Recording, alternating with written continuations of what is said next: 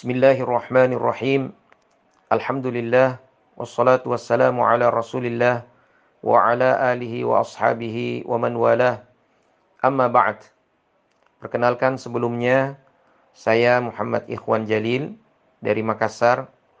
Biasa dipanggil Ustadz Ikhwan, namun sebenarnya saya belum pantas untuk menjadi seorang ustadz.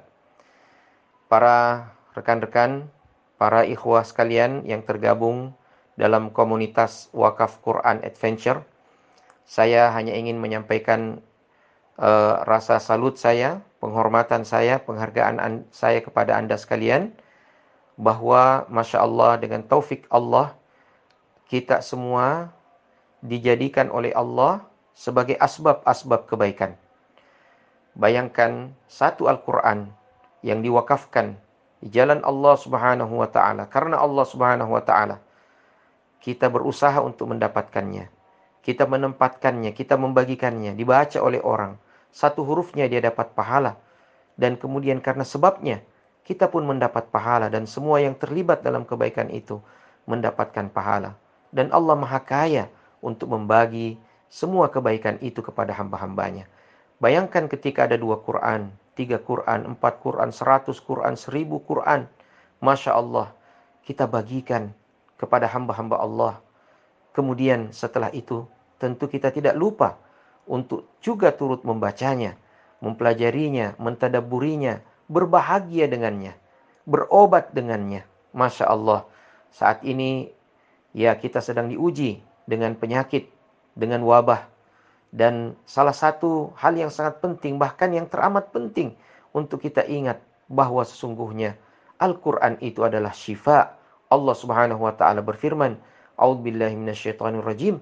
Wa nunazzilu minal Qur'ani ma huwa shifaa'u wa rahmatul lil mu'minin wa la yazidu dhalimina illa khasara.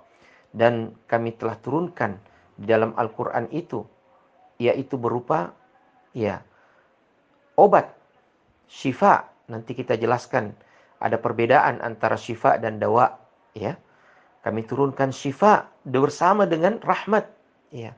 Dan tidaklah menambah uh, bagi orang-orang yang zalim melainkan kerugian.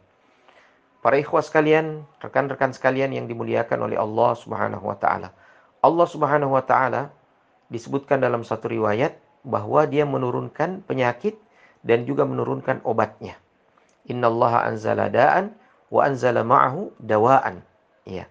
Tetapi Al-Qur'an bukan sekedar dawa, bukan sekedar obat. Ya, bukan sekedar obat yang ya namanya obat bisa saja menyembuhkan, bisa saja tidak.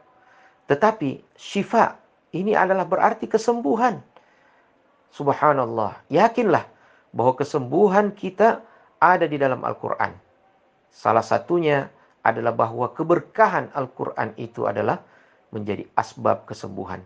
Mari kita baca Al-Qur'an ya, tanpa ragu-ragu, tanpa uh, kemalasan, kita baca dengan rajin, ya, kita atur waktu kita untuk kitabullah.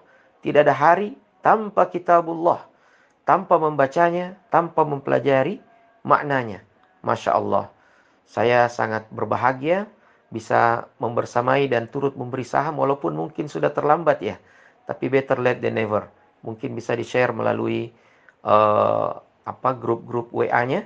Mudah-mudahan Allah Subhanahu wa taala memberkati para adinda sekalian, para pemuda-pemuda Al-Qur'an sekalian. Ya, selamat berjuang, selamat uh, memberi kontribusi kepada umat. Ya, mudah-mudahan ini menjadi asbab kebaikan kita, asbab kesehatan kita, menjadi asbab kebaikan kita dan ketinggian derajat kita di dunia dan di hari akhirat kelak.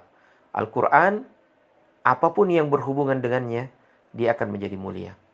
Dia diturunkan pada satu waktu, maka waktu itu menjadi lebih baik dari seribu bulan. Dia diturunkan di tanah yang gersang. Akhirnya tanah itu menjadi tanah suci, Makkah dan Madinah. Dia diturunkan pada seorang anak yatim. Maka Allah mengangkatnya menjadi manusia yang terbaik. Muhammad sallallahu alaihi wasallam.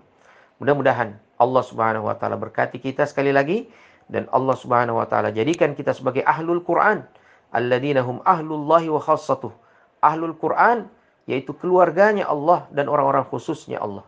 Yaitu bahwa yang dimaksud dengan keluarga di sini, ya jangan kita pahami sama dengan pemahaman kita, yang dimaksudkan adalah orang-orang dekatnya Allah Subhanahu wa taala. Sekali lagi terima kasih banyak, jazakumullahu khairan. Mohon doanya buat kami ya yang masih sangat kurang ini, yang masih sangat perlu untuk memperbaiki diri. Semoga Allah Subhanahu wa taala memberikan taufik kepada kita semua. Wa jazakumullahu khairan. Wassalamualaikum warahmatullahi wabarakatuh.